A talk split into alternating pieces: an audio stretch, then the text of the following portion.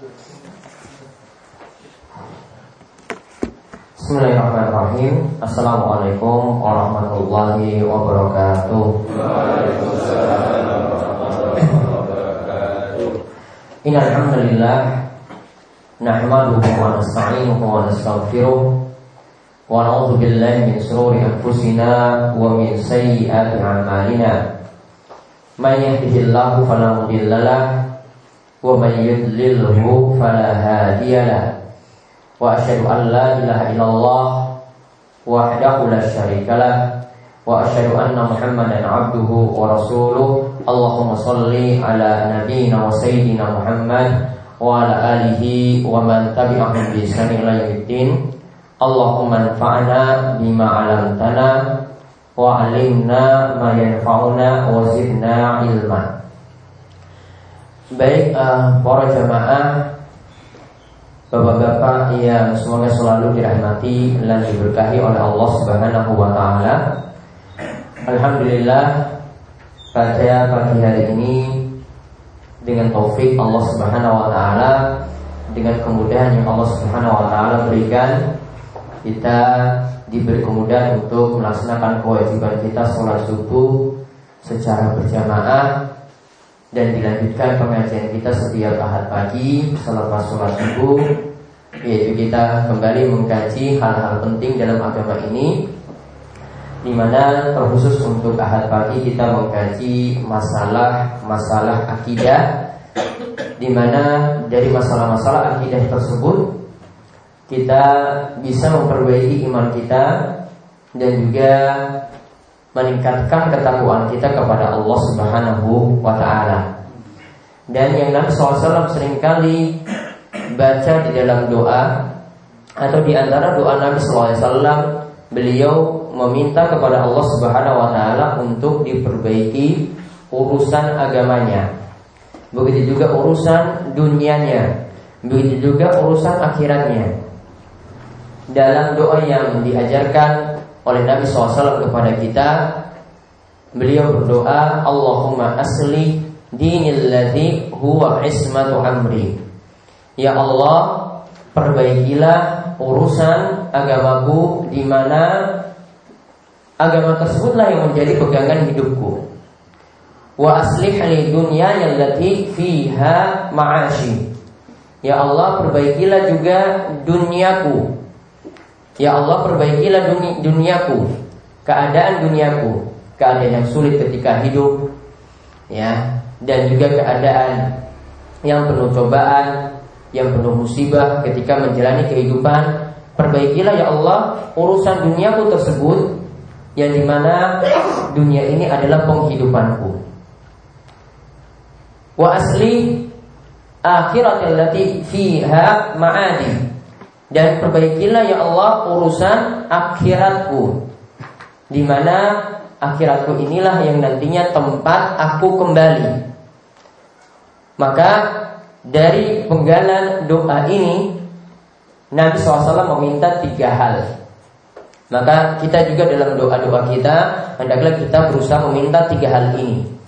Yaitu yang pertama meminta pada Allah untuk diperbaiki agama.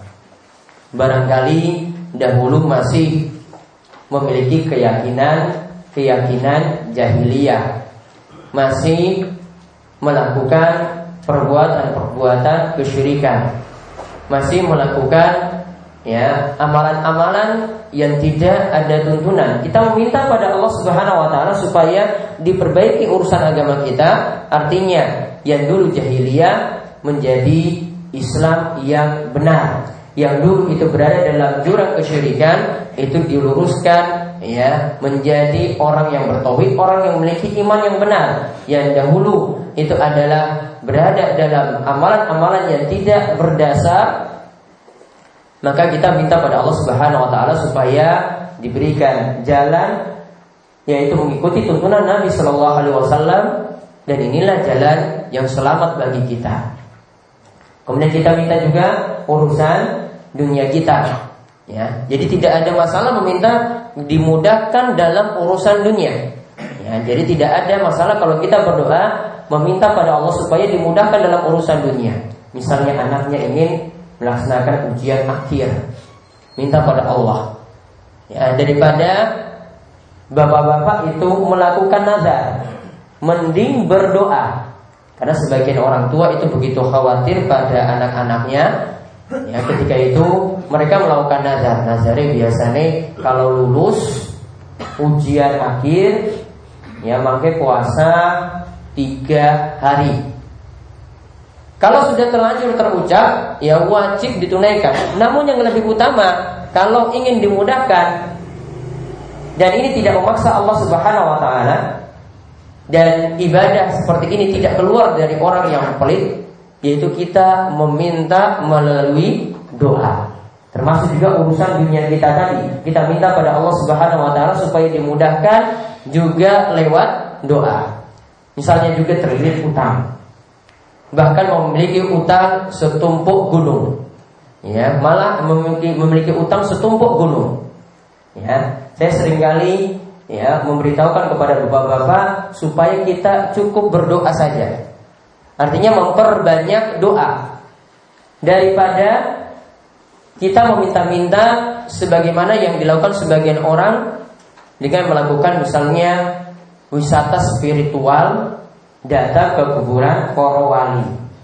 Dan pundi itu nih biasanya ngambil bis ngetan ya cari kuburan para wali yang terkenal dijadikan para wali itu sebagai perantara di dalam doa makanya saya sering katakan cukup kita bertawakal pada Allah makanya setiap kali kajian ada doa-doa tertentu yang saya ajarkan. Ya, dan doa ini ada tuntunannya dari Nabi Shallallahu Alaihi Wasallam. Semisal kemarin terakhir kita bahas ya doa agar dimudahkan untuk melunasi utang sepenuh gunung. Doa ini pripun? Ya Allahumma fini bihalalika an haramik wa aghnini bifadlika amman siwa. Pun hafal? Pun Insya Allah pendapat Utangnya pun lunas ya, yang lunas Berarti doanya orang tenanan Ya dengan ini orang serius. Ini doa saking Nabi loh. Belum mantap. Belum mantap berarti doanya. Ya Pak Heri Pak Heri.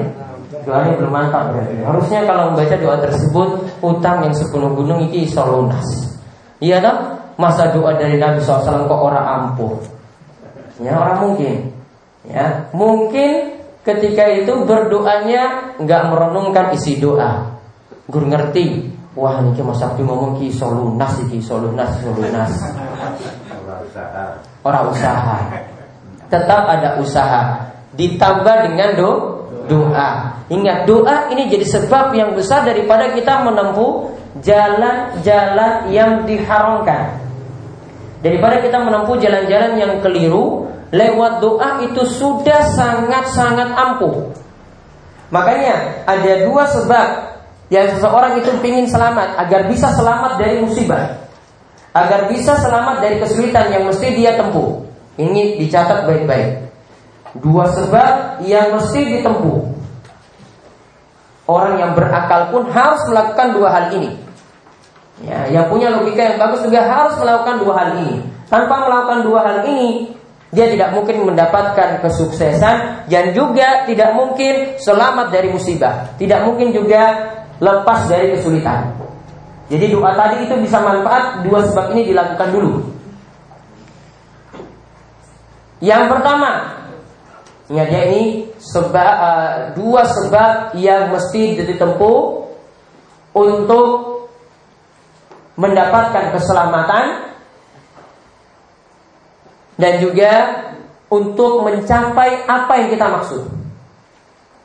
Jadi kita misalnya ingin ya anak-anak mahasiswa itu ya, ingin lulus dalam ujian, tempuh dua sebab ini. Ingin utangnya itu lunas, tempuh dua sebab ini. Tanpa menempuh dua sebab ini, maka urusannya tidak akan mudah. Yang pertama, yaitu melakukan sebab atau usaha yang terbukti secara eksperimen atau penelitian terbukti atau terbukti juga secara pengalaman atau ada dalil yang mendukung sebab tersebut atau ada dalil yang mendukung sebab tersebut. Jadi pokoknya yang pertama itu ringkasnya melakukan usaha atau sebab. Namun sebabnya ini orang akal-akalan. Perhatikan, sebabnya ini bukan asal-asalan. Yaitu apa? Sebabnya ini boleh jadi ada penelitian. Kita misalnya minum obat. Ya, obatnya kan orang sembarangan. Gak mungkin ketika kita flu beli obat ya misalnya untuk obati panu nggak mungkin kan nggak mungkin secara eksperimen tidak terbukti atau flu pakai obat panas ya mungkin ada kaitannya namun yang lebih ampuh kan ketika itu beli obat flu jadi ada pembuktian eksperimen atau pengalaman kalau pengalaman di sini ini tidak bisa cuma satu kali. Pengalaman itu berarti setiap orang yang menguji sebab ini pasti berhasil.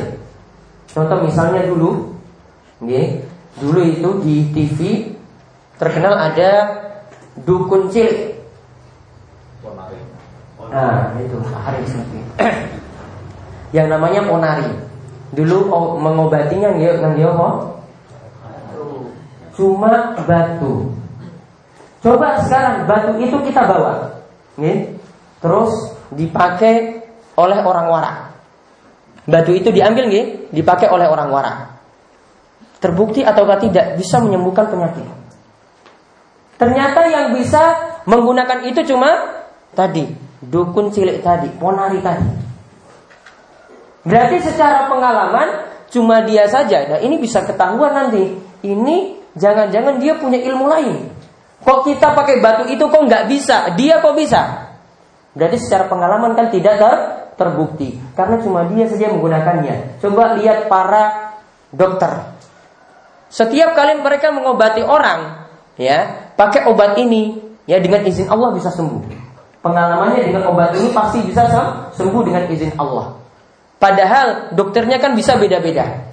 Ya, dokternya bisa beda-beda, mau ke puskesmas, mau ke Wonosari, ya, pasti bisa beda-beda. Namun kalau kita menempuh sebab yang ini dan ini terbukti. Ya, ini terbukti berdasarkan pengalaman atau eksperimen penelitian, maka boleh kita gunakan.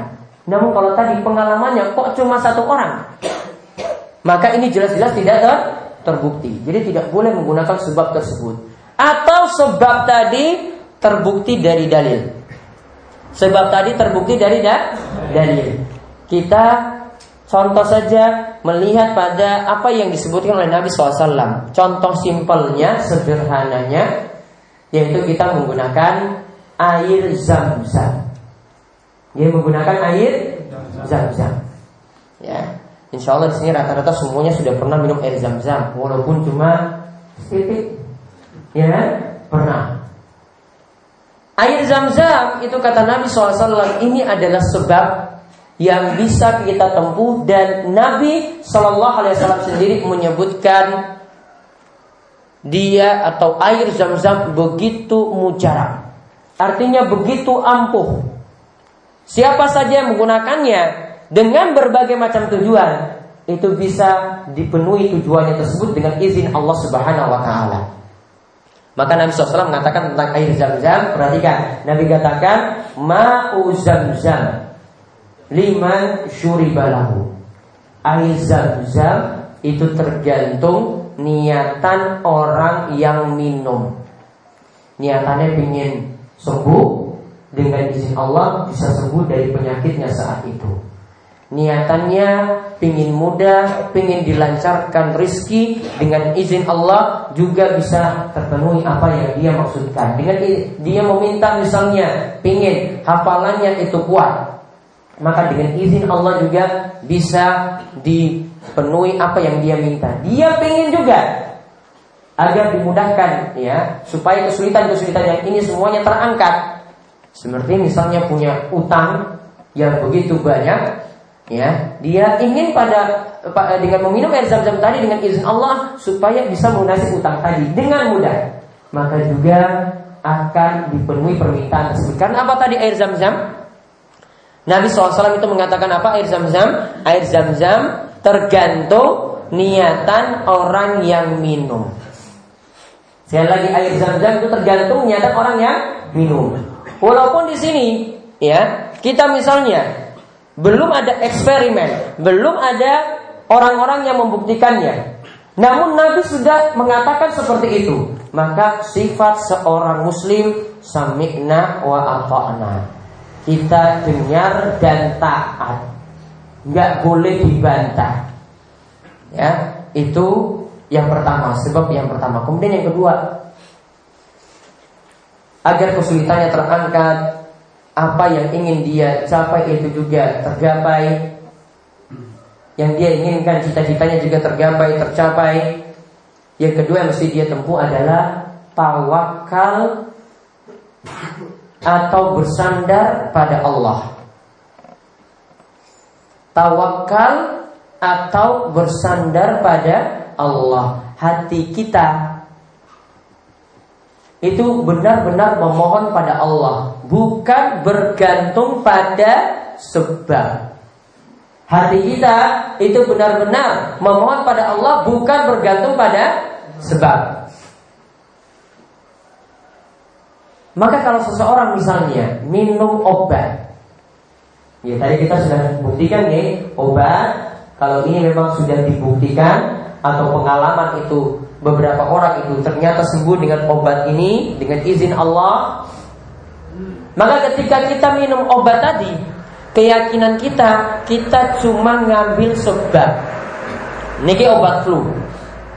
Ini obat flu. Kita cuma minum. Kemudian kita yakin ini sebab supaya Allah mudahkan sembuh. Tidak boleh keyakinannya satu-satunya yang menyembuhkan adalah obat ini. Tidak boleh keyakinannya satu-satunya yang menyembuhkan adalah obat ini. Kalau keyakinannya seperti itu, jelas jelas dia sudah menyandarkan hatinya pada selain Allah. Contohnya lagi, ini kekeliruan yang dulu pernah kita sebutkan ketika membahas kitab tauhid yaitu dalam masalah jima. Sebagian orang yang di tempat kita ketika anak E nangis-nangis terus. Atau biar anaknya itu ya tidak terkena bahaya. Maka ada yang pakai ngikalu terus di ujungnya nih kan bawang. Bawang apa biasanya? Bawang putih. Orang bawang merah Hah? Bawang putih ya? Bawang putih Sepakat. Make kalung seperti itu Guru benang atau biasa atau Terus ditambah dengan?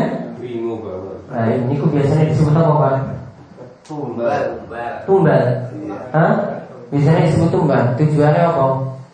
Masang bawang putih tadi loh. Hah? Tolak bala Biar anak ini ku selamat ya kan biar anaknya itu tidak diganggu orang-orang jahat. Dan ini juga sama seperti di masa Nabi SAW ini mereka sebut dengan mencegah ain. Ain itu maksudnya kalau kita di sini biasanya kalau ada orang yang iri ya dia cuma mandang saja anak tersebut nangis-nangisan terus. Biasanya apa penyakit ya Cuma lihat saja. Ya anak ini uh gumun nih kalau bocah oh cakap tenan loh. Diteluk langsung tiba-tiba ketika dia pergi nangis. Ada seperti itu nangisnya seharian. Ketahuan oh ternyata yang tadi itu pingin sesuatu. Pas dinai Indomie langsung anak tadi bisa sembuh apa jenenge iki ning kene?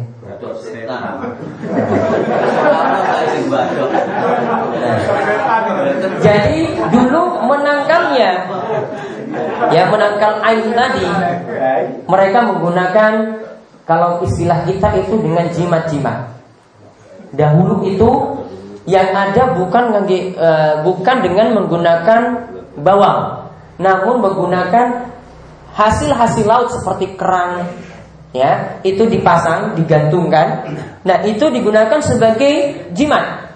Maka Nabi SAW itu pernah menyebut man ta'allaqa tamimatan, ya siapa yang menggantungkan jimat memakai jimat fala atamallahu lahu maka Allah tidak akan memudahkan urusannya Wa man ta'allaqa wada'atan. Nah ini, siapa yang menggantungkan wada'ah?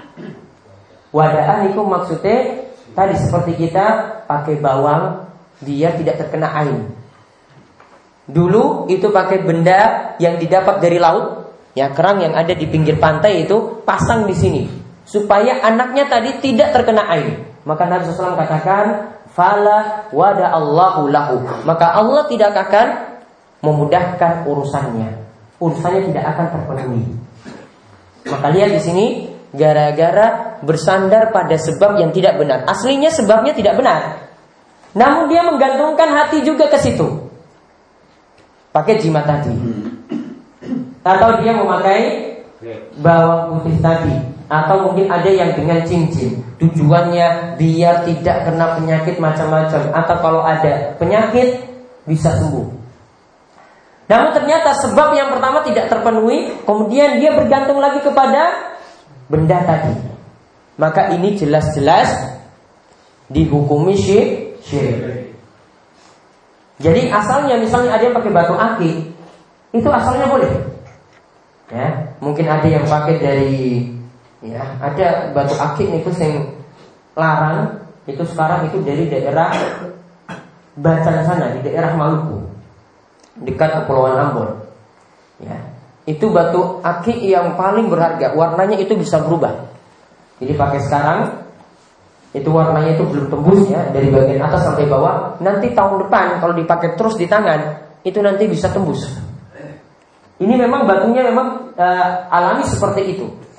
Ya, asalnya kalau orang gunakan batu akik ini selama tidak ada keyakinan macam-macam ya aslinya itu dibolehkan. Sebagaimana kita dibolehkan memakai perhiasan-perhiasan. Namun kalau laki-laki pokoknya hindari yang berasal dari emas.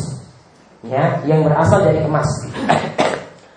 Namun kalau ini digunakan selama tidak ada keyakinan macam-macam, selama tidak ada keyakinan yang keliru, maka asalnya dibolehkan. Namun kalau sudah ada keyakinan misalnya, wah ini kata Pak Kiai saya, ini bisa dapat berkah usaha biyen iku bangkrut langsung bisa menanjak bisa kembali lagi yang kita cita-citakan ya usahanya jadi makmur yang dulu misalnya susah karena terlilit utang pakai cincin ini bisa dengan berkat kata Pak Kiai atau doa Pak Kiai tadi ya cincin ini juga nanti bawa berkah utangnya akan dimudahkan namun ingat, seperti ini juga dapat tergolong kesyirikan kalau apa? Secara eksperimen atau dalil niku orang terbukti. Tidak terbukti. Dan juga bisa dihukum syirik jika sebab kedua apalagi tidak terpenuhi. Sampai-sampai dia mengatakan, saya bisa kaya gara-gara cincin ini. Saya bisa terlunas utangnya gara-gara cincin ini. Ini jelas-jelas terjerumus dalam kesyirikan. Maka kita ketika menjalani kehidupan kita biar kesusahan kita terangkat, biar Allah itu memberikan berbagai macam kemudahan, maka minta doa pada Allah. Ingat, bersandarnya hati pada Allah itu bisa diwujudkan dengan doa. Ya, kalau orang itu perbanyak doa berarti tawakalnya sangat tinggi sekali pada Allah. Makanya saya selalu tunjukkan baca doa saja. Itu sudah salah satu sebab yang bisa ditempuh selain kita punya usaha keras. Karena dengan kita perbanyak doa, tawakal kita tinggi pada Allah. Kalau tawakal tinggi pada Allah, maka Allah akan mudahkan urusan kita. Karena ingat Allah Subhanahu wa taala berfirman, "Wa may yatawakkal 'alallahi fahuwa hasbu." Siapa yang bertawakal pada Allah, maka Allah yang akan mencukupi. Siapa yang bertawakal pada Allah, Allah yang akan mencukupi. Di antara bentuk tawakal apa tadi? dengan memperbanyak doa. Karena orang itu kalau berdoa dia cuma mohon pada Allah. Hatinya sangat bergantung pada Allah. Maka perbanyaklah doa. Makanya cerita tentang doa tadi Allahumma fini bihalalika an haramik wa aghnini bifadlika amman siwa. Kemarin sudah saya ceritakan ini doa ini adalah saran dari Ali bin Abi Thalib kepada seorang budak yang ingin merdeka namun ya tidak ada uang ketika itu dia mesti berutang kemudian ketika itu Ali menyarankan kalau utangmu yang sepenuh gunung itu ingin lunas maka bacalah doa ini yang aku juga pernah diajarkan oleh Nabi Shallallahu Alaihi Wasallam Ali ketika itu tidak memberikan solusi uang orang dikasih duit loh tapi dikasih apa doa Cuma dengan doa. Sebabnya dia tempuh sendiri. Tapi dengan doa ini intawakalnya tinggi sekali kepada Allah Subhanahu wa taala. Maka urusannya itu bisa jadi mudah. Maka yakin ya dengan doa tawakallah kepada Allah Subhanahu wa taala biar terangkat dari kesulitan dan bisa menggapai apa yang dimaksud. Kemudian di dalam doa tadi juga ya yang diajarkan oleh Nabi SAW tadi ya wa aslih li akhiratil lati fi hamadi ya Allah perbaikilah urusan akhiratku. Di mana urusan ini? Inilah nanti tempat kembaliku Maksudnya kita ingin kepada Allah supaya supaya dimudahkan di dunia ini memiliki bekal untuk persiapan akhirat. Memiliki bekal supaya kita dimudahkan di alam berikutnya. Tidak sampai ya kita itu mendapatkan kesulitan mulai dari alam kubur kemudian mulai ketika itu dikumpulkan di padang masyar sampai keputusan kita apakah kita masuk surga ataukah masuk neraka kita minta pada Allah lewat doa tersebut. Maka setiap muslim itu hendaklah dalam doa-doanya meminta tiga hal ini. Yaitu yang pertama minta diperbaiki agama. Ya minta diperbaiki agama. Yang kedua minta diperbaiki urusan dunia. Ingin mencapai sesuatu atau ingin kesulitannya terangkat dia minta pada Allah Subhanahu wa taala. Kemudian yang ketiga, dia minta pada Allah supaya diperbaiki urusan akhirat.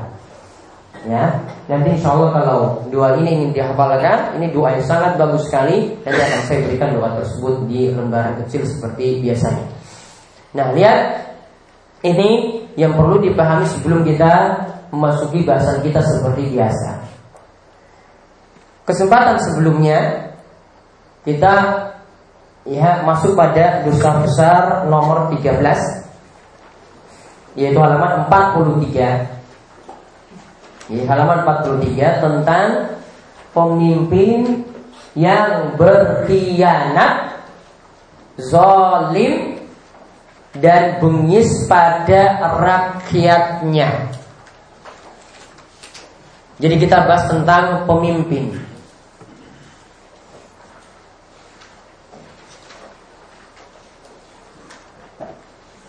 Kemarin kita telah menjelaskan karena di sini ada istilah zolim. Ya, ada istilah zolim. Maka kemarin saya sedikit membahas apa yang dimaksud dengan zolim. Kemarin zolim itu pengertiannya apa? menempatkan sesuatu bukan pada tempatnya. Ya zolim itu pengertiannya adalah menempatkan sesuatu bukan pada tempatnya. Maka segala perbuatan yang orang itu salah tempat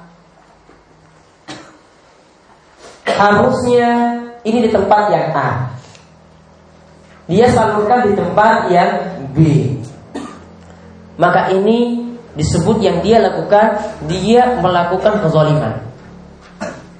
Maka berkaitan dengan zalim yang lebih luas sebelum kita bahas tentang kepemimpinan adalah kezaliman kepada Allah. Yaitu berbuat syirik kepada Allah. Ini adalah di antara bentuk perbuatan zalim bahkan ini adalah kezaliman yang paling besar yang mengalahkan kezaliman yang lainnya. Karena Allah Subhanahu wa taala berfirman, "Inna syirka la zulmun azim." Sesungguhnya perbuatan syirik itu adalah kezoliman yang paling besar. Sesungguhnya perbuatan syirik itu adalah kezoliman yang paling besar. Kok bisa Allah menyebut zolim itu sebagai perbuatan syirik yang paling besar? Karena ini berkaitan langsung dengan hak Allah. Allah memerintahkan kepada kita untuk beribadah kepada Allah saja. Wa ma umiru illa. Dan tidaklah kalian diperintah itu kecuali untuk beribadah kepada Allah dengan semurni murninya ibadah. Artinya ibadah kita ini hanya ditujukan kepada Allah Subhanahu wa taala. Itu yang Allah minta. Ya, itu yang Allah minta. Maka kalau ada yang berbuat syirik, dia menempatkan sesuatu bukan pada tempatnya. Ibadah dia tujukan pada selain Allah. Ibadah dia tujukan pada para wali. Ibadah dia tujukan pada orang soleh. Maka lihat biasanya sebagian ya tetangga-tetangga kita mungkin itu ada yang melakukan ritual-ritual pesugihan. Wonten apa benar? Pingin kaya mendadak Yo, jenenge wae sugih Ya kan? Pingin kaya men mendadak Maka lihat setan Itu semakin kita itu berlaku Atau bertindak kurang ajar pada Allah Itu semakin dipenuhi Maka dukun-dukun yang punya ilmu-ilmu hitam itu semakin mereka kurang ajar pada Allah, semakin mereka itu berbuat kesyirikan, ilmu sihirnya semakin ampuh. Orang percaya, ya buktikan sendiri nanti. Coba makin kafir, makin kufur, maka setannya makin banyak. Ya maka sebagian ilmu sihir itu ada yang misalnya mengambil ayat Al-Quran, dia sobek Al-Quran yang ada di tengah-tengah kita, kemudian dibuang di solokan. Kalau semakin kufur seperti ini, ini kan bentuk yang kurang ajar kan, tindakan yang kurang ajar. Semakin kurang ajar seperti ini, sihirnya semakin ampuh. Ya, maka semakin orang itu berbuat syirik, ya, dia itu bisa sugihnya itu cepat. Namun sebaliknya juga, semakin orang itu beriman dan bertakwa pada Allah juga sama. Dia juga akan mendapatkan berbagai macam kemudahan. Maka silakan memilih. Memilih jalan ke neraka jadi kaya atau memilih jalan ke surga jadi kaya. Pingin yang mana? Ini, pingin yang mana? Milih jalan ke surga jadi kaya. Karena tadi sama-sama loh, ya, sama-sama. Ini dapat harta yang banyak, jalan kesugihan. Yang satu bersabar, Lakukan usaha yang benar, kerja keras, banyak memohon kepada Allah Subhanahu wa taala, juga dapat. Maka tentu saja orang yang berakal dan ingin akhiratnya itu selamat, tentu saja memilih jalan yang tadi. Ya, jalan menuju surga dan juga dia mendapatkan dunia yang dia inginkan. Namun di sini maksudnya bukan dengan amal ibadahnya dia cari dunia. Namun dia ketika hidup di dunia dia bekerja keras untuk kehidupan dunianya sebagai persiapannya ke akhirat ya tanpa menempuh cara-cara yang dilakukan oleh orang-orang musyrik lewat ritual-ritual pesugihan. Biasanya ada yang pesugihan itu ke petilasan-petilasan. Ada yang ke gunung-gunung. Tapi di gunung itu wonten tempat pesugihan ada di mana? Kidul. Gunung Kidul mana? Hah? Di mana? Oh Semanu. Oh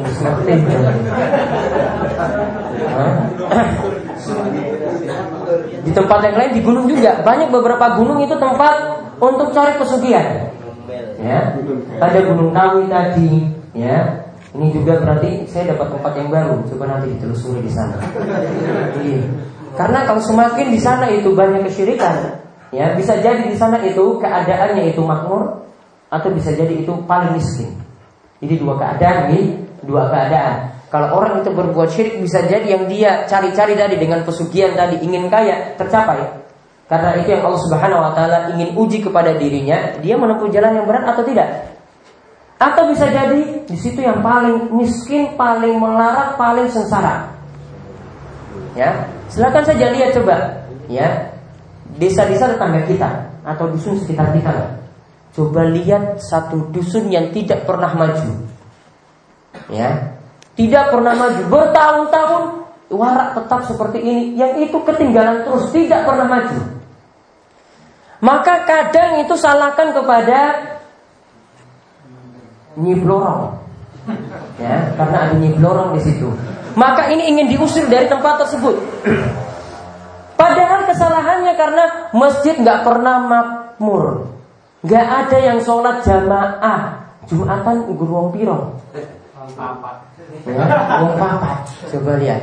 Ini ingin ngusir apa? Nyiblorong dari situ atau ada di situ ya bahaya-bahaya ingin diusir sampai datangkan dukun-dukun bahkan dukun cilik katanya.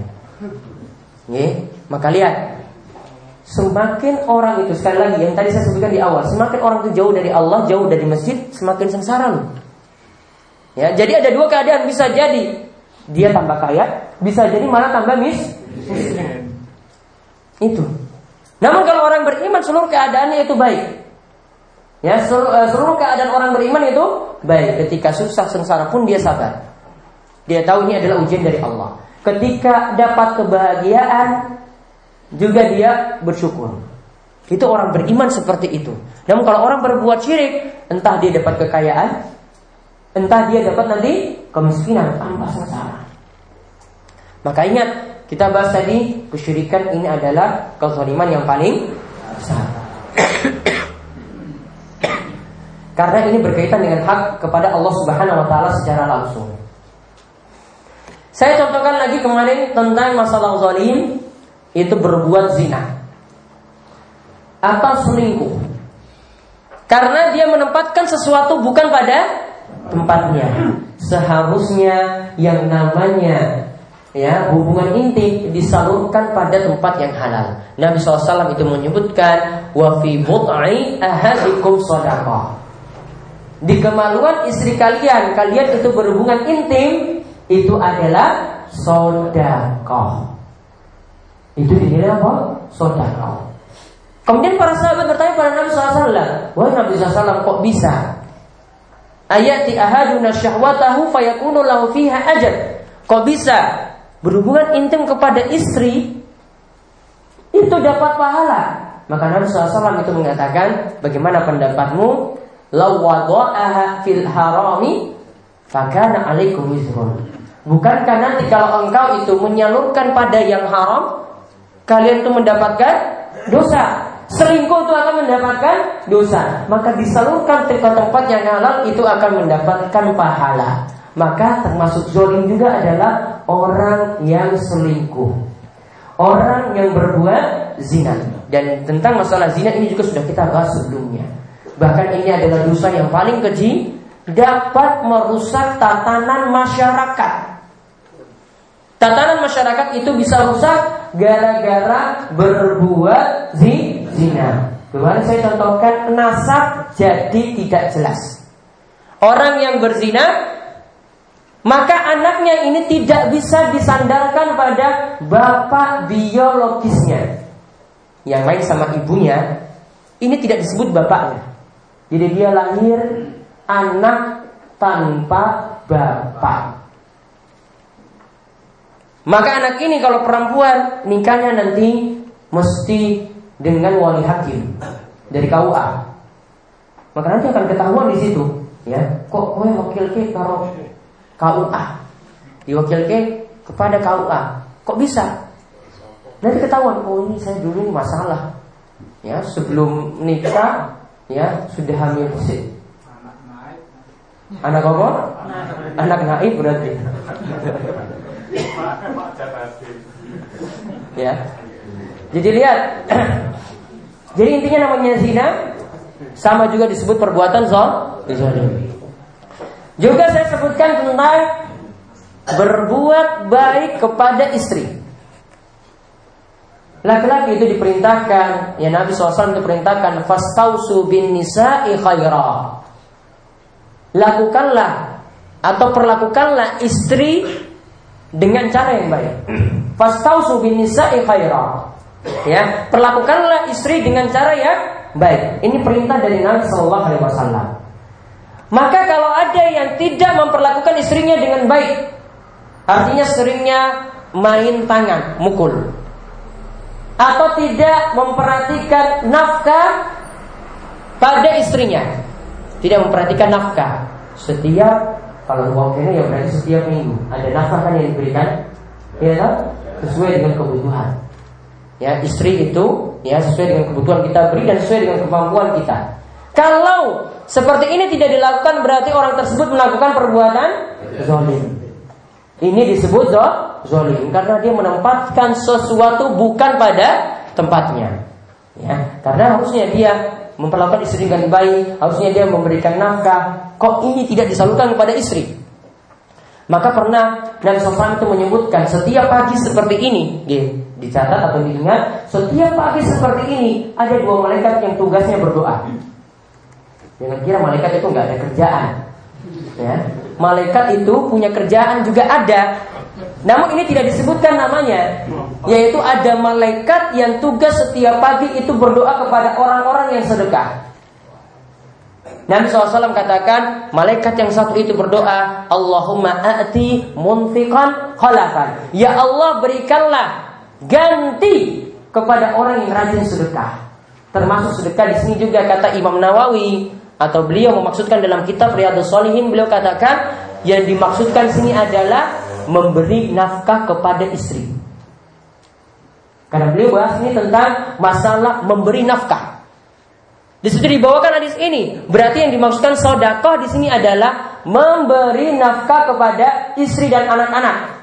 Berarti setiap yang memberikan nafkah akan diberikan ganti. Kalau rajin bekerja tujuannya untuk hidupi keluarga, maka akan diberikan ganti oleh Allah Subhanahu wa taala. Maka rasa khawatir. Gak perlu hawa, khawatir setiap minggu misalnya mesti keluarkan uang terus. Tetap kita berusaha, Allah akan beri ganti. Karena tadi malaikat ada yang tugas yang setiap pagi berdoa, ya Allah berikanlah ganti kepada orang yang sodakoh.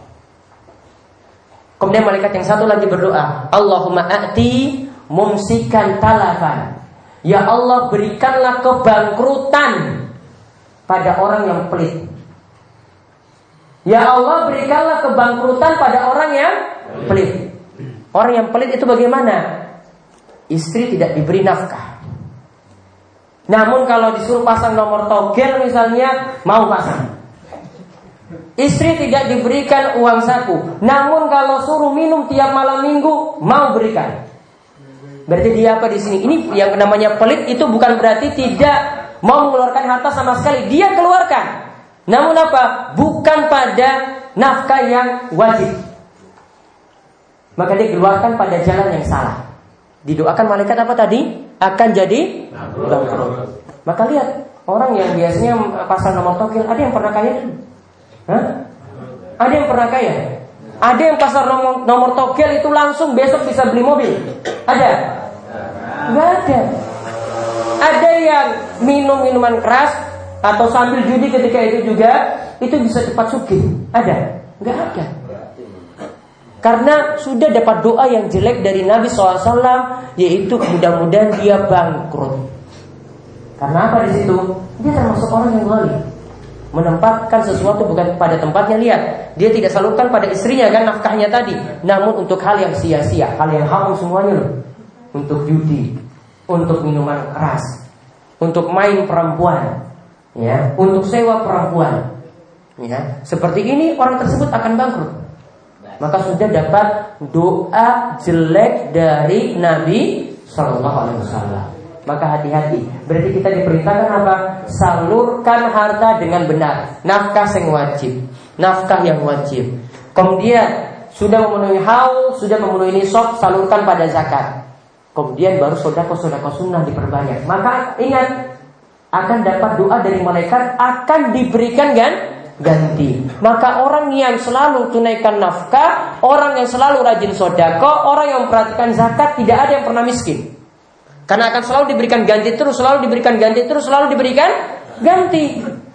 Namun orang yang pelit tadi tidak memperhatikan yang wajib, malah malah menyalurkan hartanya untuk jalan yang sia-sia. Maka lihat, selalu didoakan untuk bang. Maka kezaliman di sini harus kita jauhi. Salah satu hadis yang mesti kita ingat di sini, lihat di halaman 44, halaman berikutnya. Nabi SAW itu mengatakan, Al-zulmu zulumatul yaumal qiyamah. Kezuliman itu adalah kegelapan pada hari kiamat. Setiap yang berbuat zalim pada Allah, setiap yang berbuat zalim pada istrinya, setiap yang berbuat zalim pada rakyatnya. Pemimpin berbuat zalim pada rakyatnya. Maka ingat, yang namanya zalim itu cuma jadi kegelapan pada hari kiamat. Maksudnya cuma dapat kesusahan pada hari kiamat. Kegelapan pada hari kiamat itu maksudnya cuma akan mendapatkan kesulitan. Tidak mendapatkan ya kemudahan ketika itu.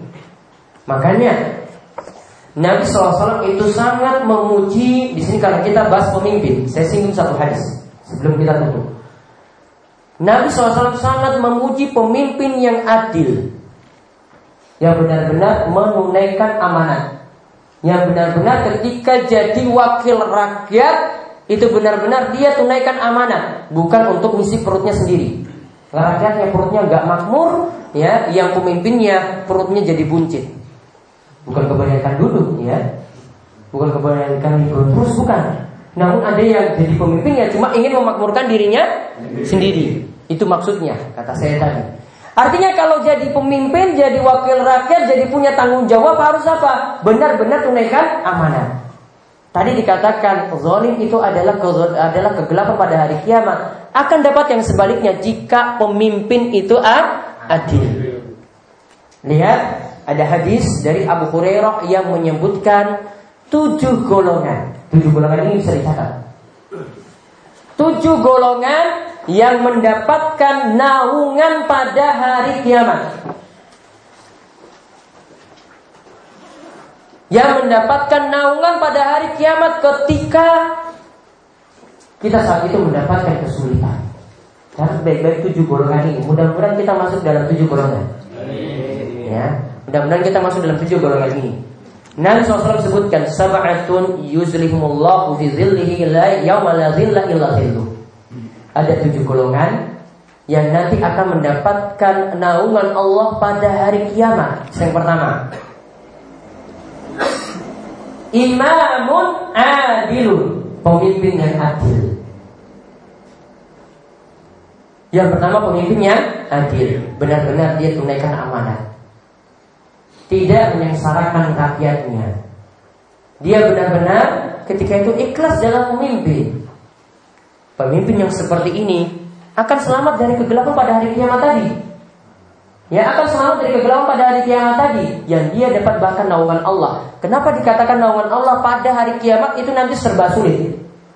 Matahari akan didekatkan satu mil. Satu mil itu kurang dari satu kilo. Akan didekatkan satu mil. Ini kurang dari satu kilo, satu mil itu. Ya, dekat sedekat-dekatnya seperti itu matahari. Sekarang aja matahari jauh seperti itu sudah sumuknya bukan main, panasnya bukan main juga. Apalagi didekatkan seperti itu, maka kalau kita dapat naungan Allah akan selamat pada hari kiamat. Jadi yang pertama adalah pemimpin yang adil. Kemudian yang kedua, wasyabun nasya'a fi ibadatillah. Seorang pemuda yang tumbuh dalam ketaatan pada Allah. Ini juga menunjukkan ya, seorang pemuda itu harus sejak masa mudanya dia manfaatkan waktunya baik-baik. Karena biasanya sebagian pemuda ya, waktu mudanya dia manfaatkan sia-sia. Coba lihat anak-anak SMP sekarang yang ada di sekitar kita atau anak-anak SMA. Coba, tulanannya apa habis maghrib? Ini biasanya apa? Retekan Gue motor ngalor pengidul Ya Entah di jalan sana yang besar Entah di jalan sana yang besar Rata-rata Kalau di SMP atau SMA waktunya sia-sia Benar kata Nabi SAW maka kalau ada pemuda yang lain daripada yang lain, dia cuma sibuk ibadah. Karena yang biasanya di masjid itu simbah-simbah. Ya kan? Yang di biasa di masjid itu simbah-simbah. Jarang yang anak-anak SMP juga lihat mana ini yang yang sing nom-nom iki. Jarang digugah wae angel. Malah bapaknya didoakan jelek. Bapak iki gugah terus. Kayak orang-orang gawean wae, ya kan? Seperti itu doakan jelek malah oleh anaknya. Nah, kalau ada pemuda yang aneh daripada yang lainnya, artinya dia sibuk cuma ibadah di masjid terus, maka dia akan mendapatkan naungan Allah pada hari kiamat. Yang ketiga, warajulun qalbuhu mu'allaqun fil yaitu orang yang hatinya selalu terkait dengan masjid jadi supir pas azan sholat mandek berhenti untuk apa? Sholat bukan tujuannya cuma ngisi di masjid ya. Dulu tenanan sholat Saya mandek cuma pipi saja setelah itu pergi Ya tujuannya tenang Ya Pak Timbul ya Iya, tujuannya tenang loh. Jadi cuma duduk eh, ke masjid warga pun sebelah begini. Bukan. Ya jadi akhirnya selalu terkait dengan masjid maksudnya apa? Waktu sholat diperhatikan. Coba lihat rata-rata yang jadi supir di tempat kita. Waktu sholat ya bablas wayara dipanggil mau dipanggil enggak sudah bablas. Enggak tahu sholatnya di mana. Enggak mungkin kan dia pergi cari tempat di padang pasir, ya, apa di tengah-tengah hutan untuk sholat kan? Di sini layaknya sholat di masjid. Maka kalau hatinya itu selalu terkait dengan masjid seperti itu, siapa saja yang muda, yang tua, ada panggilan azan, azan lagi negar, maka segera dia tunaikan sholat. Maka ini disebutkan dalam hadis ini akan mendapatkan naungan Allah selamat dari kegelapan pada hari kiamat. Kemudian yang keempat, wadrojulani tahabbatillah istama alaihi wa alaihi. Ada dua orang yang saling mencintai karena Allah. Berkumpul karena Allah, berpisah juga karena Allah. Jadi ketika dia berteman, semuanya dilandaskan iman. Ketika dia itu berteman, bukan dilandaskan oh teman saya iki sugih kaya aku cerak-cerak wae men sesuk iki iso di duit Bukan, namun apa? Dia ketika itu berteman Punya teman seperti ini Karena teman ini nanti yang akan membantunya Untuk taat kepada Allah Maka Nabi SAW itu sarankan kepada kita Perintahkan kepada kita Unzuru ila khalil Lihatlah, perhatikanlah siapa yang jadi teman dekat kalian Ya, pilihlah berarti teman dekat yang baik. Karena para ulama itu katakan bahwasanya teman dekat inilah yang nanti akan lebih mempengaruhi seseorang. Maka lihat anak-anak kalau di sekolah biasanya jadi rusak itu bukan dari rumah, ya. Ada anak itu yang jadi rusak itu karena apa? Teman-temannya nakal. Anak-anak SMP di sekitar kita itu sebenarnya itu anak-anak yang baik. Namun karena punya pergaulan yang jelek dengan teman-teman yang jelek, maka jadi ikut rusak juga. Asalnya ngerti Ngebut-ngebutan itu dari mana? Trek-trekan itu dari mana? Itu dari temannya sebenarnya. Dia bentuk lingkungan, bahkan punya geng di sekolahan, kemudian ya ikut-ikutan seperti itu. Seandainya dia tidak masuk di situ, maka tidak akan juga terpengaruh. Jadi itulah pengaruh teman. Teman itu bisa membuat seseorang itu jadi serupa. Coba lihat terus bareng-bareng terus, sifatnya nanti bisa sama. Ya, makannya seperti itu lahap, ya punya teman seperti itu bisa sama-sama lahap juga. Ya disantap, ya ini sak tumpuk, ya segune disantap sak menit. Dari mana? Itu saya lihat teman saya makan seperti itu juga, saya juga habiskan seperti itu. Jadi sifatnya itu bisa mirip. Dan teman tadi itu bisa mirip. Ya, makanya di sini di sini dituntut kita mencintai seseorang karena Allah. Benci juga karena Allah. Berpisah juga karena Allah. Ini keutamaan yang lainnya dari mencintai saudara muslim itu karena Allah. Jadi Cinta yang seperti ini akan mendapatkan naungan pada hari kiamat. Sudah berapa? Nah, sekarang kelima. Wa rajulun da'athu imra'atun zatu mansibin wa jamalin. Ada seseorang laki-laki dipanggil oleh seorang wanita yang punya kedudukan dan harta. Lalu dia mengatakan, "Ini akhafullah. Aku takut kepada Allah." Maksudnya di sini ada laki-laki yang diajak berzina, ada laki-laki yang diajak selingkuh. Ini yang nawar perempuan loh. Ya, yang minta itu apa? Perempuan. Kalau yang laki-laki yang minta, mungkin perempuan gak mau. Ini yang minta perempuan, siapa yang bisa tahan? Ini hadis ini menerangkan tentang Nabi Yusuf alaihissalam. Ketika itu Nabi Yusuf diajak oleh seorang wanita yang punya kedudukan yang mulia dan juga punya harta yang melimpah. Siapa namanya perempuannya? Zulaikha. Dia diajak Nabi Yusuf diajak oleh perempuan. Fakta perdorong pertama. Kemudian yang minta tadi perempuan yang punya kedudukan yang tinggi. Faktor yang kedua, siapa yang mau nolak? Ini orang kaya Bahkan ini istrinya raja. Kemudian yang ketiga, yang menutup pintu itu juga Zulaikha. Jadi menutup pintu-pintu istana itu adalah Zulaikha. Kemudian punya faktor pendorong yang lainnya lagi. Ya, Yusuf itu cakap. Gantengnya bukan main. Bahkan separuh kegantengan di dunia itu ada pada Nabi Yusuf. Ya, separuh kegantengan di dunia itu ada pada Nabi Yusuf. Dan ini wanita ini adalah wanita yang cantik pula. Dia yang ngajak. Siapa yang bisa tahan seperti itu kecuali yang imannya itu kuat? Ya, tidak ada di antara kita juga yang bisa meyakini kita bisa selamat seperti Nabi Yusuf. Namun Nabi Yusuf masih mengatakan apa? Ini akhafullah. Aku takut pada Allah. Saking imannya itu tinggi.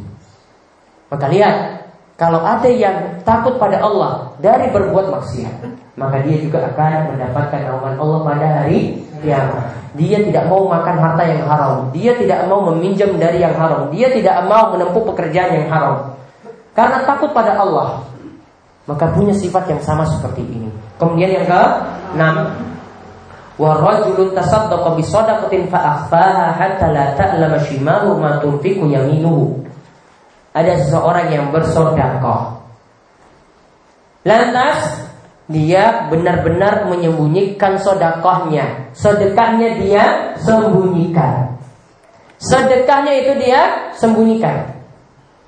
Artinya sedekah yang bagus itu diam-diam daripada terang-terangan. Ini ingat untuk sedekah yang sunnah. Namun kepada istri yang wajib ya harus diberikan, gak boleh diam-diam. Kok kamu gak kasih uang satu sekarang? Lakukan sembunyikan. ya. Biar-biar saja. Nanti tiba-tiba ada di lemari. Kan nggak boleh. Tetap harus diberi kan? Diberi diberi. Nggak boleh tak jelek sih nih kan? Besok tak nih. Ya, nggak boleh. Ya harus diberikan. Zakat. Zakat juga harus diberikan terang terangan.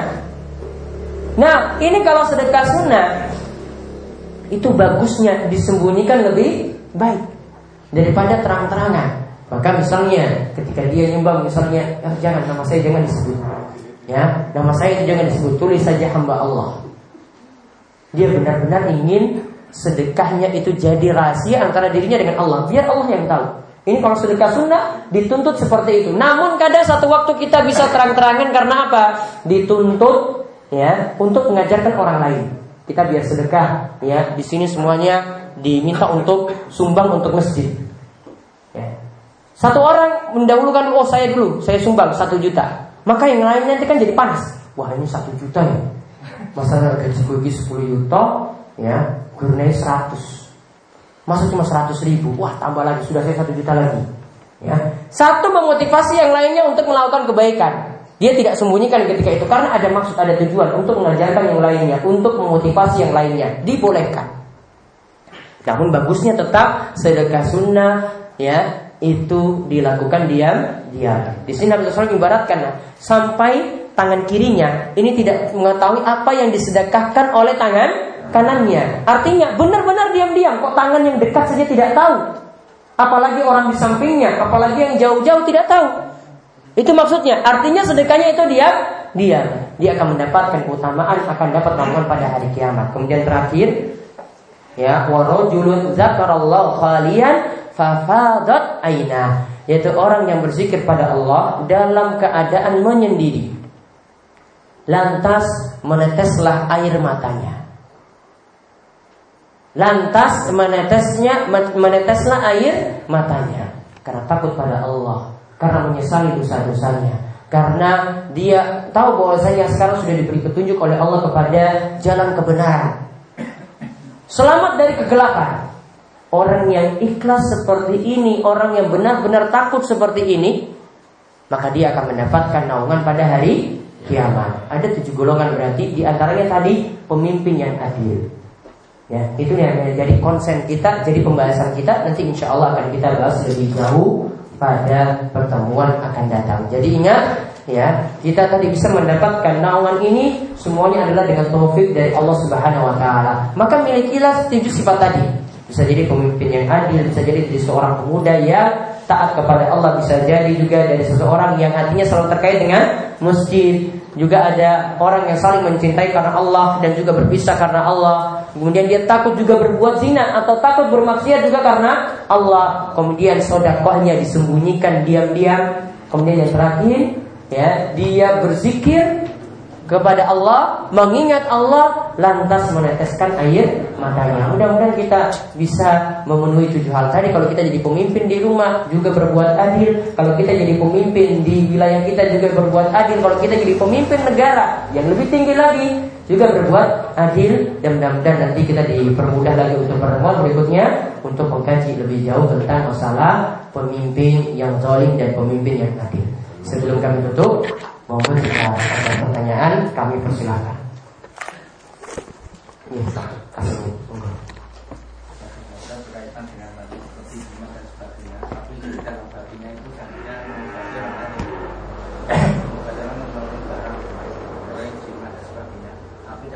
bahwa Allah itu memberikan pada barang itu. Dan doanya bukan kepada Allah tapi melalui barang itu bisa Tetap syarat yang pertama Sebabnya itu harus terbukti. Terbukti apa? Pernah nggak ada eksperimen? Ada dokter yang teliti. Ada pakar yang teliti itu. Atau pengalaman Bukan satu dua orang. Ya misalnya dengan obat-obat alami Itu bukan satu dua orang. Semuanya yang pakai itu bisa sembuh dengan izin Allah. Atau tadi ada dalilnya. Tetap harus dibuktikan dulu.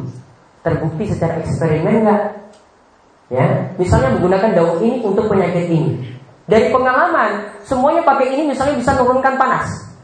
Maka bukan satu dua orang yang bisa sembuh. Oh, ternyata semuanya pakai bisa dengan izin Allah. Nah, ini kan berarti dari sisi itu sudah terbukti dari pengalaman. Atau mungkin ada yang sudah teliti. Atau kita ya bisa lihat dari dalil oh ini obat-obat yang disebutkan oleh Nabi SAW sebagai habatus sauda misalnya obat-obat yang manjur dari Nabi SAW bisa juga kita gunakan ketika itu. Jadi tetap harus terbukti. Seandainya ini cuma benda saja biasa, tadi seperti saya sebutkan, yang pakai bawang tadi untuk mengatasi anaknya, secara eksperimen apa buktinya?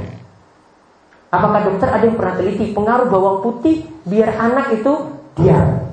Ada dokter seperti itu yang meneliti? Enggak ada.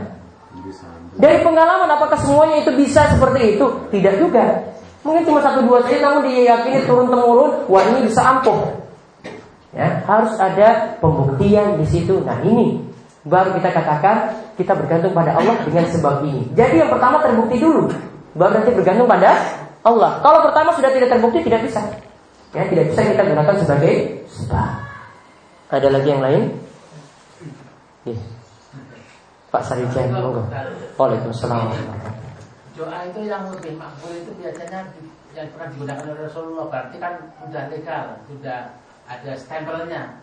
Tapi kadang-kadang orang Jawa itu berdoa dengan caranya sendiri atau bisa diterima sama Allah. Dia berdoanya gimana? Ya ya Allah, saya mohon supaya anak saya bisa kabul, bisa bisa diterima di satu tempat gitu. Di perusahaan gitu ya. Iya. Tanpa memakai bahasa dari Nabi atau bahasa Arab. Iya. Berarti pakai bahasa sendiri. Maka seperti itu dibolehkan. Ya, karena perintah dari ayat itu umum. Ud'uni astajib lakum. Berdoalah kepadaku. Umum pakai bahasa apa? Mau pakai bahasa Jawa, mau pakai bahasa Indonesia, mau pakai bahasa Inggris misalnya dong. Mau pakai bahasa Arab, mau pakai bahasa Al-Qur'an. Ingin ambil doa-doa dari Al-Qur'an bebas. Namun catatan penting yang perlu diperhatikan ya, yang saya tegaskan di sini kalau dalam sholat tetap gunakan bahasa Al-Quran yaitu bahasa Arab karena kita sedang berdialog dengan Allah karena kita sedang bermunajat dengan Allah kenapa demikian karena bahasa-bahasa manusia tidak boleh ada dalam sholat ya bahasa manusia tidak boleh ada dalam sholat yang boleh yaitu dengan bahasa Al-Quran. Sehingga dalam sholat kalau menurut mazhab syafi'i cuma dibolehkan dengan doa dari Al-Quran atau doa bahasa Arab yang kita rangkai sendiri. Namun kalau di luar sholat Make berbagai bahasa dibolehkan. Misalnya setelah sholat Misalnya antara azan dan ikoma Ketika sepertiga malam terakhir Atau di waktu-waktu musajab yang lainnya Kita berdoa pakai bahasa kita Boleh. Ya Jadi perbanyak doa seperti itu Supaya jalan untuk tawakal pada Allah. Ya Pak Terima kasih Pak Yang saya tanyakan itu tadi disinggung mengenai hal kesugihan atau kesugihan. Itu sejak lama sampai sekarang itu apakah itu betul-betul ada atau cuma khayalan atau dongeng? Katakan yang dikatakan tadi sudah disinggung ini dorong, buyul dan lain-lain itu apakah itu betul-betul ada? Apakah cuma khayalan apakah itu cuma dongeng? Kalau itu betul-betul ada mungkin ada dalilnya. Dan kan masyarakat atau orang banyak yang sudah mengetahui gambarnya. Katakan nih blorong itu gambarnya seperti itu. Tuyul mungkin juga ada. Atau yang lain mungkin. Pesugihan pesugihan yang lain itu juga ada cuma gambar saja tapi hmm. itu apakah itu ada betul apa cuma khayalan apa hmm. cuma dongeng kalau itu betul-betul ada mungkin ada ya mungkin hmm. ini yang harus tanyakan siapa yang biasa ke pesugihan Mungkin kita kan biasanya ini aja kan dengar kan? Wah ini blorong. Wah ini Roro Kidul saja yang katanya di Pantai Selatan saya sih nggak pernah ketemu loh. Iya kan? Katanya di Pantai Selatan. Oh, sampai sekarang saya sudah hidup di sini nggak pernah ketemu. Setiap hari ke Gesing juga nggak akan ketemu juga. Tapi gambarnya itu ada, ya. Sekarang tanyakan pada yang gambar tadi, yang gambar, ya. Ini ngerti sekondi coba. Apa harus tahu petuh? Apa sudah tahu bermalam dengan dia? Kok gambarnya itu persis dengan wanita cantik seperti itu? nggak pakai baju lagi bagian atasnya. Ya. Yang ditanyakan itu yang tadi yang melakukan pesugihan, yang punya keyakinan-keyakinan seperti itu, tak ngerti blorong, ya, ngerti nyiroro kidul, ya, ngerti lagi yang lain-lainnya, tuyul misalnya, coba gambarkan itu gimana coba. Kamu lihatnya bagaimana? Atau itu cuma perasaanmu saja? Asalnya kan makhluk goib itu kan tidak kita lihat. Ya, taruhlah itu ada. Asalnya kan tidak bisa kita li lihat, kecuali dia menampakkan diri atau mungkin ya masuk kepada di badan lain kesurupan misalnya itu baru kita tahu. Oh ini yang masuk itu jin ini. Itu baru tahu. Namun kalau sampai digambarkan spesifik persis seperti itu harus butuh dalil. Ingat Nabi SAW cuma menyebutkan beberapa bagian saja yang ini jadi tingkah laku setan misalnya. Ketika azan setan itu lari terbirit-birit sambil kentut. Berarti kan bisa kentut kan? Bisa kentut. Ini Nabi SAW itu sebutkan ya. Setan bisa bermalam di rumah yang ketika masuk rumah tidak baca bismillah. Bisa masuk rumah. Setan bisa menemani orang yang makan ketika tidak baca bismillah ketika makan. Ya kan? Bisa bisa seperti itu. Tingkah lakunya kita tahu. Namun wujudnya coba. Ada yang gambarkan misalnya setan itu badannya niku bolong. Ya, sendal bolong kan? Sendal bolong. Nah sekarang coba itu dapat dari mana coba itu? Ya itu lihat di mana sendal bolong tadi. Ada juga yang menggambarkan setan itu nggak bisa nginjak tanah. Ya, ya kan? Di TV-TV seperti itu. Ini dapat dari mana? Pernah ketemu, pernah lihat, pernah bermalam, eh, pernah bermalam sama-sama setan. Kalau benar seperti itu, coba buktikan mana, biar kita juga tahu. Ternyata tidak pernah dibuktikan sama sekali. Ya, maka jin itu tetap ada. Orang kesurupan juga tetap ada. Namun tadi menggambarkan jin itu seperti apa, tuyul itu seperti apa, nyinyi tadi itu seperti apa, harus pakai dalil. Ya, karena ini bukan masalah sembarangan. Sebutkan setan kentut saja, pakai dalil loh itu. setan kentut, pakai dalil. Ini mau gambarkan utuh, lebih-lebih harus pakai dalil yang utuh lagi. Mana ini gambarkan Nyi Roro Kidul ini rambutnya dogo seperti ini, ya, cantiknya seperti itu mana? Dalam Al-Qur'an mana? Hadis mana? Harus ada wahyu ini. Ini karena makhluk go gaib. Kita tidak bisa melihat. Ya, asalnya itu tidak ditampakkan ke tengah-tengah kita. Maka kalau kita mau tahu harus pakai dalil ketika menggambarkannya. Kalau tidak pakai dalil berarti itu ngawur, mengada-ngada. Ada lagi yang lain? Ada Iya.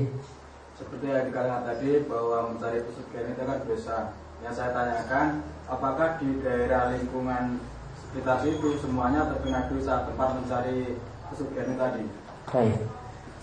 Tidak mesti seperti itu, tidak bisa kita katakan semuanya terkena dosa, namun harus ada amar ma'ruf nahi mungkar, harus ada yang berdakwah. Ya, harus ada yang berdakwah di situ. Artinya ingatkan bahwasanya ini perbuatan keliru. Ini termasuk kesyirikan. Ini termasuk meminta-minta pesugihan yang tidak boleh. Harus ada yang terangkan ketika itu. Karena yang namanya amar ma'ruf nahi mungkar berdakwah hukumnya fardu kifayah. Kalau tidak ada yang menunaikan dakwah tersebut, semuanya kena dosa. Ya, semuanya kena dosa. Jadi harus ada yang dakwahkan. Kalau kita tidak punya ilmu ketika itu belajar. Banyak belajar, banyak belajar, banyak kaji. Nanti biar ingatkan terlebih dahulu kepada keluarga, langsung lagi ingatkan kepada tetangga sekitar atau masyarakat yang ada di sekitar kita, biar tahu bahwasanya perbuatan seperti ini syirik. Perbuatan seperti ini tidak ada tuntunan. Harus berdakwah. Hukumnya apa tadi? Fardu kifayah. Sebagian harus menunaikannya. Kalau tidak semuanya semuanya kena dosa. Ada lagi? Nih. Saya pernah diceritakan dari teman itu datang ke tempat seorang kiai karena kesulitan. Tiba-tiba pulang dari tempat kiai itu mengamalkan amalan yang diamalkan itu dari kiai itu. Ya. Terus cerita dengan saya. Tiba-tiba setelah selesai mengamalkan amalan itu, dia itu melihat sesuatu hal-hal yang tidak eh, belum pernah dia lihat.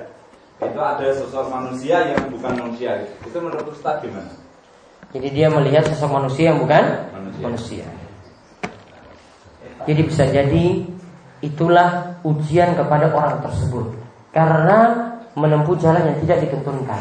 Kadang dari sebagian kiai bukan mengajarkan amalan-amalan yang ada tuntunan misalnya ketika pulang ya ini kamu bawa pulang nih jimat tulisan ini tempel nanti di tembok rumah Punya warung, tempel nanti pas di pintu situ lawang tadi di atas itu ya, tempel tulisan ini, tulisan Arab sing ora jelas. Ya, ada seperti itu di tengah-tengah kita. Warungnya biar laris. Ya, saya nggak mau sebutkan nanti yang dipanggang. Saya soalnya pernah lihat. Di warung tersebut ya tuh tulisan Arab ini. Terus di sampingnya ada foto kiainya. Oh ini jelas. Ini jelas dari Pak Kiainya. Ya. Maka seperti itu itu ujian dari Allah kepada dia. Orang ini sedang diuji agamanya, berat. Maka ketika misalnya pakai jimat itu ternyata bisa membuat dagangannya itu laris. Itu disebut dengan istidraj, orang yang bermaksiat namun diberikan nikmat. Maka kalau tadi pakai bacaan-bacaan tadi, ya yang tidak ada tuntunannya ya, beda seperti yang kita ajarkan di sini. Kalau di pesantren itu ngajarkan doa-doa tak printkan, terus itu tulis ini hadis riwayat siapa? Ya seperti doa Allahumma kfini bihalalika tadi yang diajarkan itu kan hadis. Itu kalau Pak Kiai ini kasih doa ini, ini kamu pengen utang lunas ini bawa pulang ini hafalkan doa terus setiap hari. Orang masalah. Ya. Namun kalau yang diajarkan tadi baca bacaan ini al-ikhlas seribu kali satu hari. Ya. Orang serat, orang seribu kali orang iso lunas utangmu. Nah, maka aku ditanyakan seperti itu.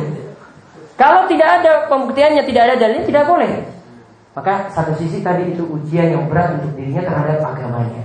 Kemudian apa yang dia lihat tadi ini bisa jadi adalah tipu daya dari setan juga. Seakan-akan ingin menggoda dia supaya diyakini apa yang dia amalkan itu benar. Maka pernah kita lihat ada orang yang itu sampai murtad. Itu gara-gara lihat dia mimpi bertemu Yesus. Ya, bertemu langsung besok paginya, wah saya masuk Nasrani saja. Saya murtad saja. Ya kan? Asalkan dibangun dengan mimpi. Dia bangun keyakinannya tadi lewat nih mimpi. Ingat mimpi memang benar. Bahkan di akhir-akhir zaman mimpi itu akan dibenarkan. Namun ini mimpi tidak boleh dijadikan dalil untuk akidah seseorang, untuk amalan seseorang. Misalnya, ada yang mimpi seperti itu tidak boleh diikuti. Ada yang mimpi lagi, oh saya mimpi di dalam mimpi Pak Kiai itu ajarkan ke saya biar cepat suki, amalkan baca la ilaha illallah seribu kali dalam sehari. Dia bangun berdasarkan apa? Mimpi, tidak dibolehkan. Ya, mimpi seperti itu tidak dibolehkan. Ya, mimpi yang benar itu memang ada. Orang dapat peristiwa ini, peristiwa ini, namun itu bukan jadi landasan untuk bangun akidah seseorang atau bangun amalan seseorang. Maka jangan jadikan mimpi sebagai dalil untuk membenarkan amalan atau mendukung amalannya. Tidak boleh. Kita kalau mau beramal tetap harus pakai Al-Qur'an, kita harus merujuk juga daripada hadis, tidak boleh membuat-buat sendiri. Ada lagi? Ketika bersedekah secara sendiri-sendiri apakah itu uh, yang dimaksud apakah kita ketemu dengan seorang dan dia, dia dan kita ketemu dengan orangnya itu tanpa dia lihat orang lain atau kita uh, bisa uh, memberikan sedekah itu eh, itu tidak dilihat orang lain dan orang yang kita berikan itu juga tidak mengetahui bisa jadi kita berikan kepada dirinya orang lain tidak tahu bisa jadi juga ya kita berikan kepada orang itu dia pun tidak tahu. Artinya yang dimaksudkan sembunyi-sembunyi ini amalan kita ini bisa jadi cuma rahasia antara diri kita dengan pengemis tadi, diri kita dengan orang yang butuh tadi, diri kita dengan dia. Tidak yang lainnya ketahui. Atau bisa jadi bahkan dia sendiri pun tidak tahu seperti yang dicontohkan oleh Zainal Abidin. Cucu dari ya Ali bin Abi Thalib. Ya, cucu dari Ali bin Abi Talib. Zainal Abidin dia digelari Zainal Abidin. Dia setiap harinya itu bersodako dengan memikul gandum. Taruh di rumah-rumah. Selama dia itu hidup tidak ada yang tahu. Kalau Ali, ya kalau Zainal Abidin tadi yang memberikan gandum tadi. Seumur hidup tidak tahu. Pas ketika meninggal dunia baru ketahuan punya bekas di sini memikul gandum dan akhirnya pasokan gandum itu jadi tidak ada. Maka orang-orang tahu, masya Allah seumur hidup ini ternyata dia yang berikan gandum. Antara diri dia dengan yang diberi tidak tahu sama sekali. Orang-orang tidak tahu siapa yang beri. Maka ini juga disebut sembunyi-sembunyi. Atau tadi bisa diserahkan langsung, yang lainnya tidak tahu. Ya. Atau ketika itu kasih saja, kemudian pergi. Tidak perlu orang ini tahu nama kita ya diberikan saja pak ini untuk bantuan. Ya langsung pergi. Atau lewat perantaraan orang lain. Ya bisa jadi bentuknya itu macam-macam. Intinya yang uh, yang dilakukan terang-terangan artinya mungkin dia memamerkan di hadapan orang lain oh saya sudah nyumbang masjid seperti ini. Nah itu namanya memamerkan. Namun kalau dia misalnya dengan dia sumbang masjid misalnya ke bendaharanya langsung pak ini saya sumbang tolong nama saya disembunyikan. Ya hanya bapak saja yang tahu yang lain tidak boleh tahu nah itu juga namanya sem sembunyi-sembunyi. Jadi bentuknya itu macam-macam. Kadang orang lain tidak tahu atau diri kita dengan itu sih yang tahu dan bentuknya seperti itu. Dan ini demikian yang bisa kami sampaikan untuk pertemuan kali ini mungkin-mungkin manfaat. Mungkin Allah Subhanahu Wa Taala meluruskan akidah kita dan iman kita, terus ditambahkan iman kita dan ketakwaan kita kepada Allah dan kita jauhkan dari perkara-perkara jahiliyah dan juga perkara-perkara yang diharamkan dan memuji Allah Subhanahu Wa Taala senantiasa memberikan keberkahan kepada kita dan keluarga dan juga negeri kita dan juga kepada umat Islam secara umum. Demikian kita tutup kalian doa kafaratul majlis. Subhanallahumma wa bihamdika asyhadu an la ilaha anta astaghfiruka wa atubu ilaik. Assalamualaikum warahmatullahi wabarakatuh. Waalaikumsalam.